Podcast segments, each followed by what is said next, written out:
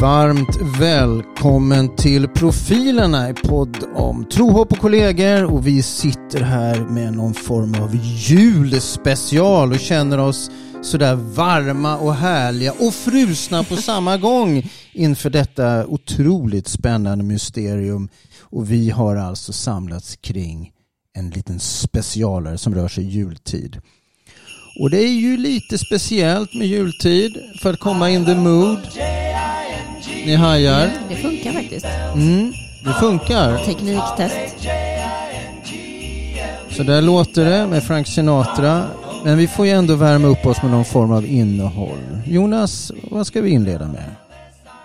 Nej, jag, jag, jag tänkte på det här med, vi satt och diskuterade på jobbet att vi har faktiskt vissa anställda som, eh, som inte har varit med om en vanlig jul i vår församling. Fast de har jobbat där i tre år på grund av pandemin och sånt. Att vi har inte jobbat som vanligt över julen. Vi har sådana här öppen jul eh, och julfirande och, och sånt där eh, i vår församling.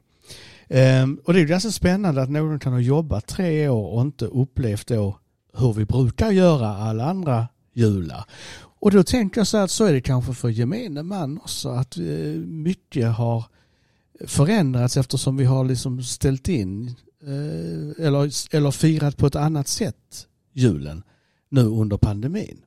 Och kanske är det så att man vill längta tillbaka till precis som det var innan eller så passar man på kanske att in, modifiera de här jultraditionerna nu när vi faktiskt eh, inte har följt dem slaviskt de senaste åren.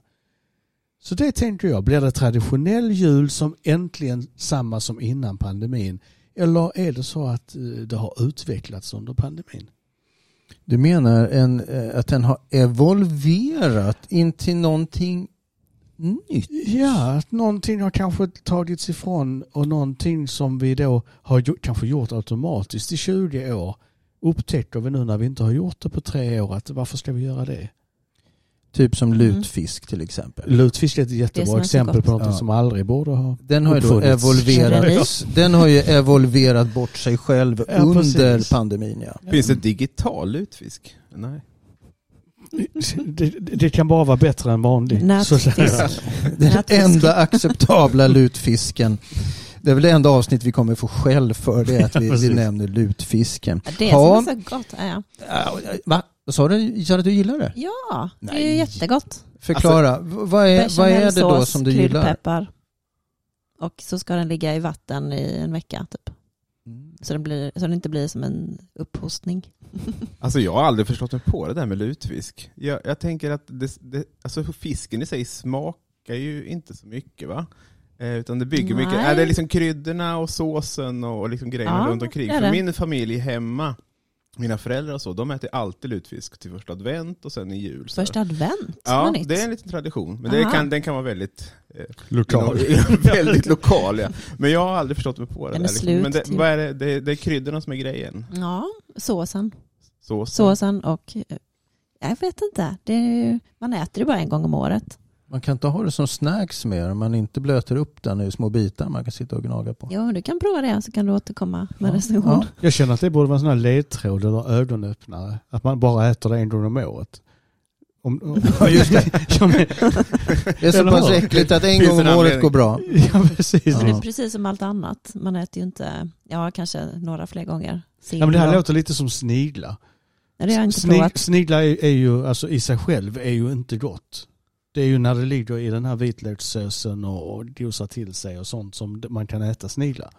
Mm. Ja. Och då känns det som att, ungefär som att man, man ska skölja ner någonting äckligt med någonting gott. Och då känner jag att då kanske man, man ska tänka om redan från början. Känner jag. Till skillnad från de smaskiga grodlåren då som är goda redan från början. Ja. Ja. Men om, om, jag, om jag nu släpper eh, lutfisken här nu och alla lyssnare vi har tappat och backar tillbaka till din grundfråga här Jonas. Mm. Som är, är ju spännande. Har, kan julen eventuellt, kan vi eventuellt ha förändrat våra beteenden efter pandemin nu när vi går in i det vanliga? Vet du vad jag tror? Jag tror att vi kommer att vara precis som vanligt, traditionellt. Mm.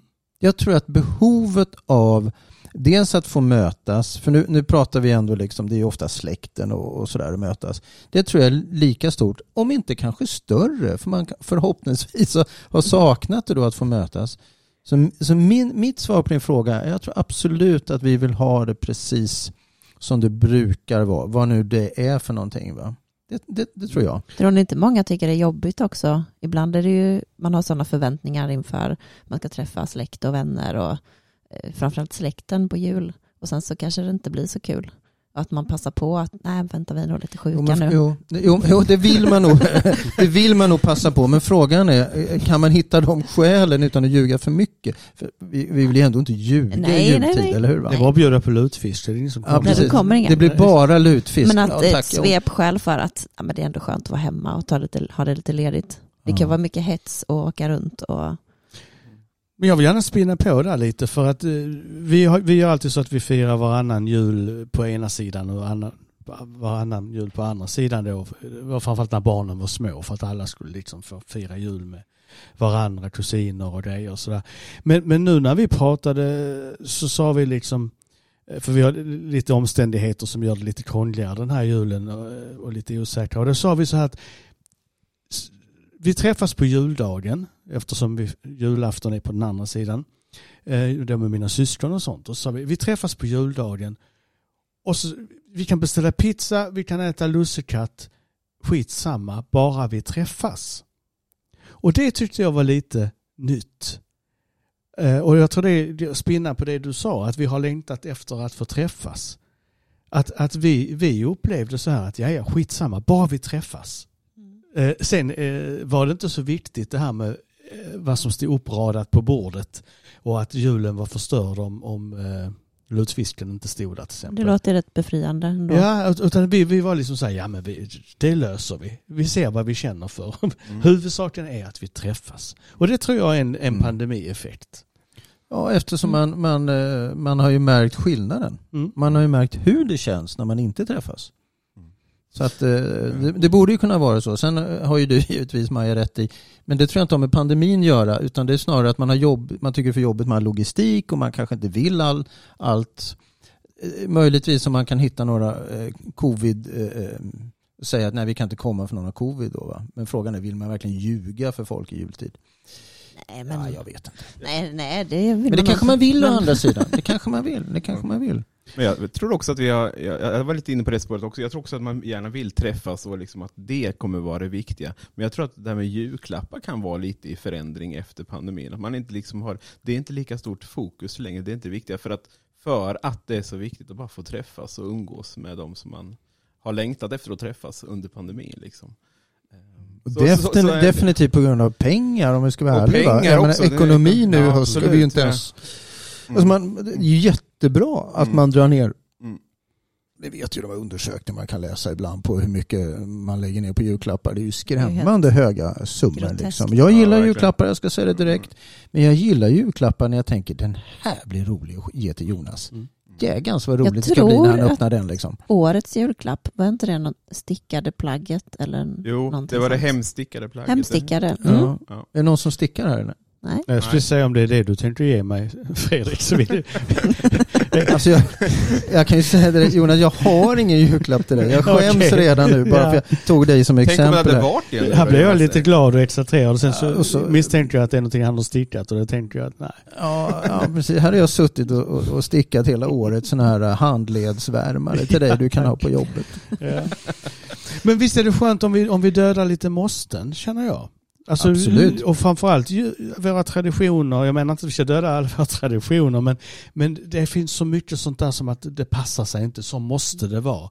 Och, och, och framförallt så många kvinnor som, som under julen har och även antagligen denna julen kämpar med allt det här som ska finnas och, och, och är uppe jättesent för att jag, jag kan inte ha ett julbord där det inte finns insyltad gud vet vad. Eh, För, att de här traditionerna är så starka och förväntningarna är så starka.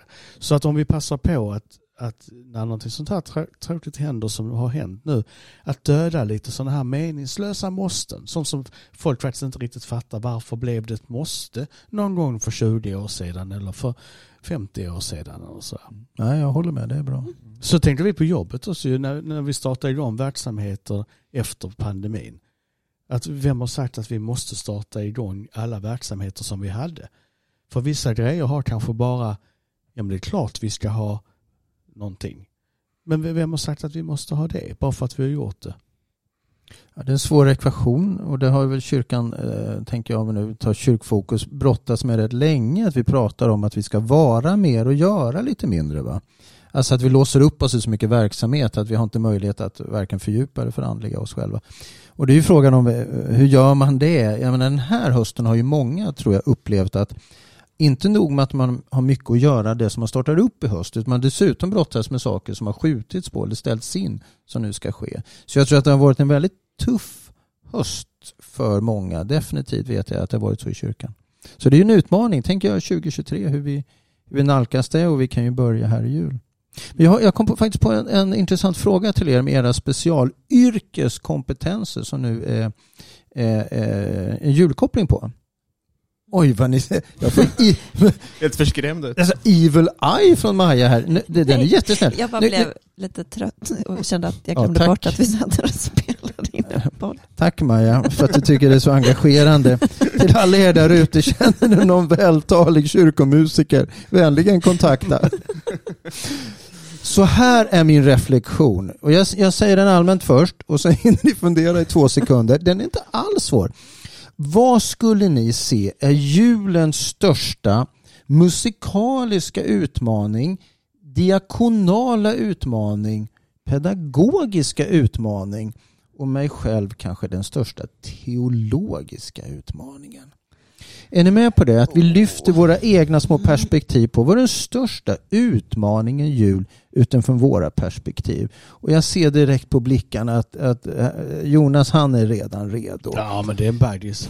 Shoot! Nej jag vet inte. Jag, jag, ja, men jag, jag tänker nu så här att alla andra år skulle jag nog svara att ensamheten är den största diakonala utmaningen i en sån här julhelg.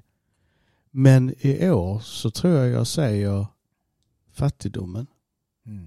För att eh, vi var inne på det i tidigare avsnitt att, att eh, människor som, som aldrig har behövt tänka på det innan utan att vara rika på något sätt men ändå aldrig behövt tänka på det nu inte kan betala sina räkningar eller, eller se till att det är julklappar till barnen eller, eller mat och sådär. Så att eh, jag skulle vilja säga att det har förändrats från ensamhet, vilket fortfarande såklart är Ja. en, en stor grej. Men, men jag tror att nöden har, har tagit sig in i Sverige på ett helt annat sätt. Och då, då, jag hakar på där. Jag vet inte om den största teologiska utmaningen men en teologisk utmaning är ju utifrån det du säger.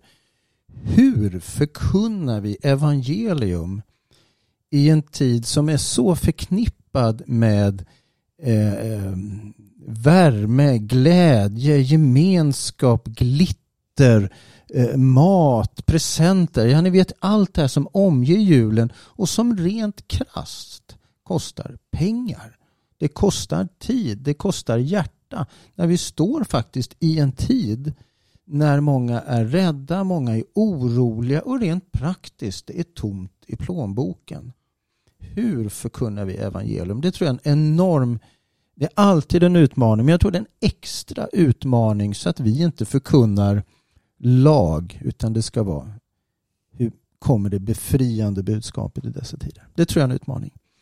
Eh, eh, musikaliskt då Maja, vad tänker du? Julens stora utmaning, vad kan det vara? Men man ska koppla det till det ni har sagt nu, jag tänker hela tiden vi lever i nu när kulturfrågor och eh, konst det på något sätt trycks undan och man drar in eh, Eh, resurser och ja, det är många debatter kring det. Um, och samtidigt som att det är ju någonting som faktiskt inte kostar några resurser eller det är en hållbar verksamhet på många sätt och en, uh, väldigt viktigt i folks liv. Liksom. Och behöv, det är klart att det kostar som en, kan ju kosta som en aktivitet men ehm, det är, ju, det är ju det man drar in på som kanske ändå ger väldigt mycket till väldigt många på många sätt och om det har med julen att göra det är väl ingen koppling direkt men det är kanske är tid att En reflektera kring utmaning. det. Mm. Den kan bli extra påtaglig tänker jag med tanke på Mm. hur mycket musik som förväntas finnas i våra kyrkor med omnejd också. Mm. Men det är, en, det är en stor utmaning att på något sätt lyfta de frågorna som viktiga Mm. i människors liv. Helt klart. Och vad kan den pedagogiska utmaningen, största, en stor? Tänker ja, du? men jag så tänkte på två olika inriktningar. Det ena är ju liksom det som finns inom kyrkan och en pedagogisk utmaning som handlar lite mer om, om eh, vad man har för liksom bakgrund och bakgrundskunskap till julens budskap kan ju vara en pedagogisk utmaning. Jag, jag tror inte man kan räkna på samma sätt idag med att folk eh, generaliserar jag naturligtvis, men, men, men, men att, att de har julens budskap så tydligt framför sig. Liksom. Att vad är det detta handlar om? Ja, men just det, det var väl Jesus som föddes. Liksom. Och så, så, alltså, jag tror att det är ju verkligen det här med, med eh, repetition i kunskapens mod. Vi berättar i våra kyrkor för barnen och för ungdomarna och vi berättar om julevangeliet. Liksom.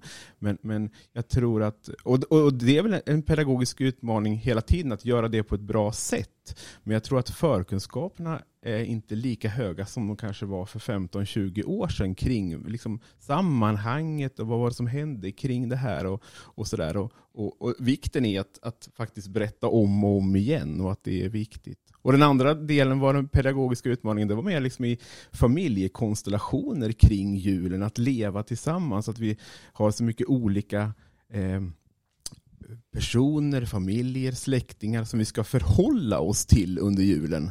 Det kan ju vara en pedagogisk utmaning. Vem ska man fira jul med och varför blir den inte inbjuden till det? Och vi har olika familjekonstellationer som ska sam och sen ska alla vara glada och vi ska träffas på julafton och det ska liksom och, och jag tror att i vissa sammanhang så finns det mycket så här förväntningar om att det ska bli så bra när alla träffas och man kanske inte träffas oftast annars men just julen då ska det kännas trevligt och glatt. Eh, och sen så är man kanske en konstellation som med släktingar och familjer som gör att, att det blir en pedagogisk utmaning att få ihop det överhuvudtaget.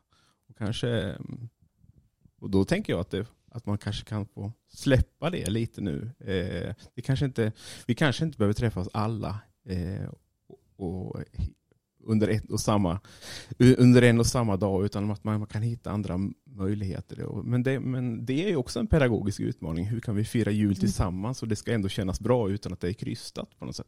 Mm. Där har ni julens fyra stora utmaningar från en kyrkomusiker som heter Maja Malmström. Från en diakon som heter Jonas Folin. En församlingspedagog som heter Kristoffer Burman och en teolog som heter Fredrik Bevjen. Vi är alltså profilerna.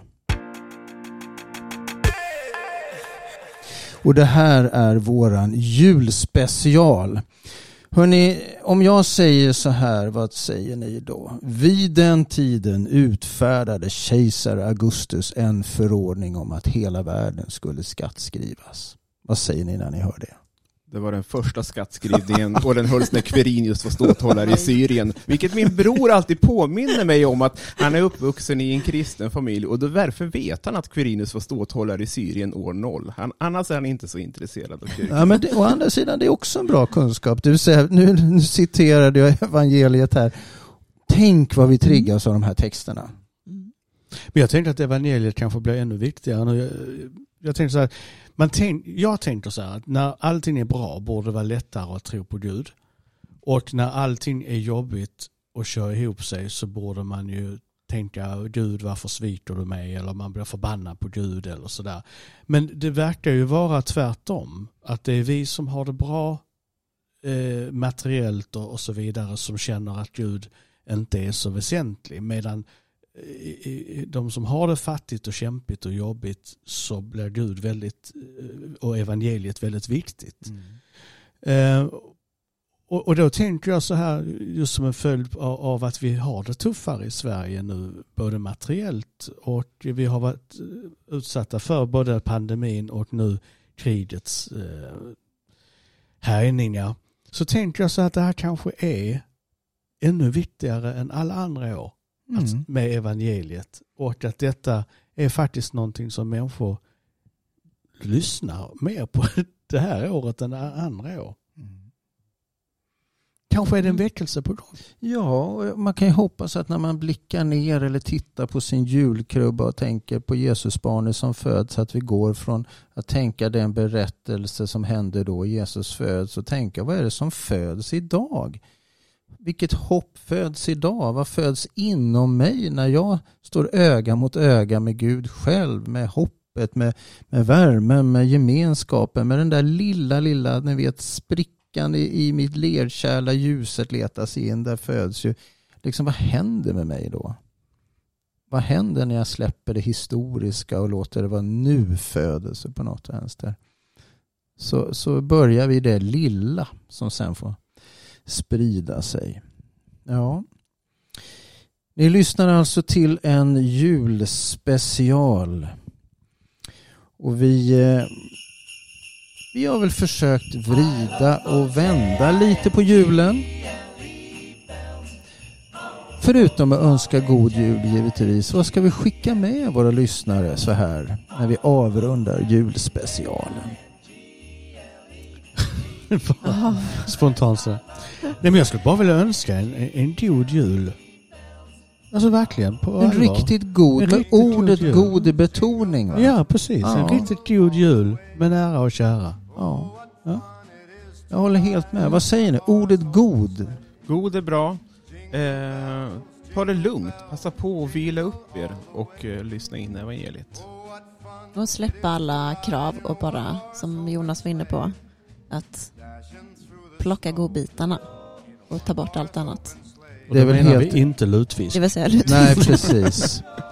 Alltså att julen kan vara att man får ta alla favoriterna i Aladdin-asken. De tar liksom inte slut favoriterna. De är där bara för dig och vi behöver inte äta de andra tips, äckliga. för det gjorde jag ett år kan jag berätta. Eh, Jag tog alla äckliga i Aladdin-asken och slog in i ett paket och la i julklappsspelet.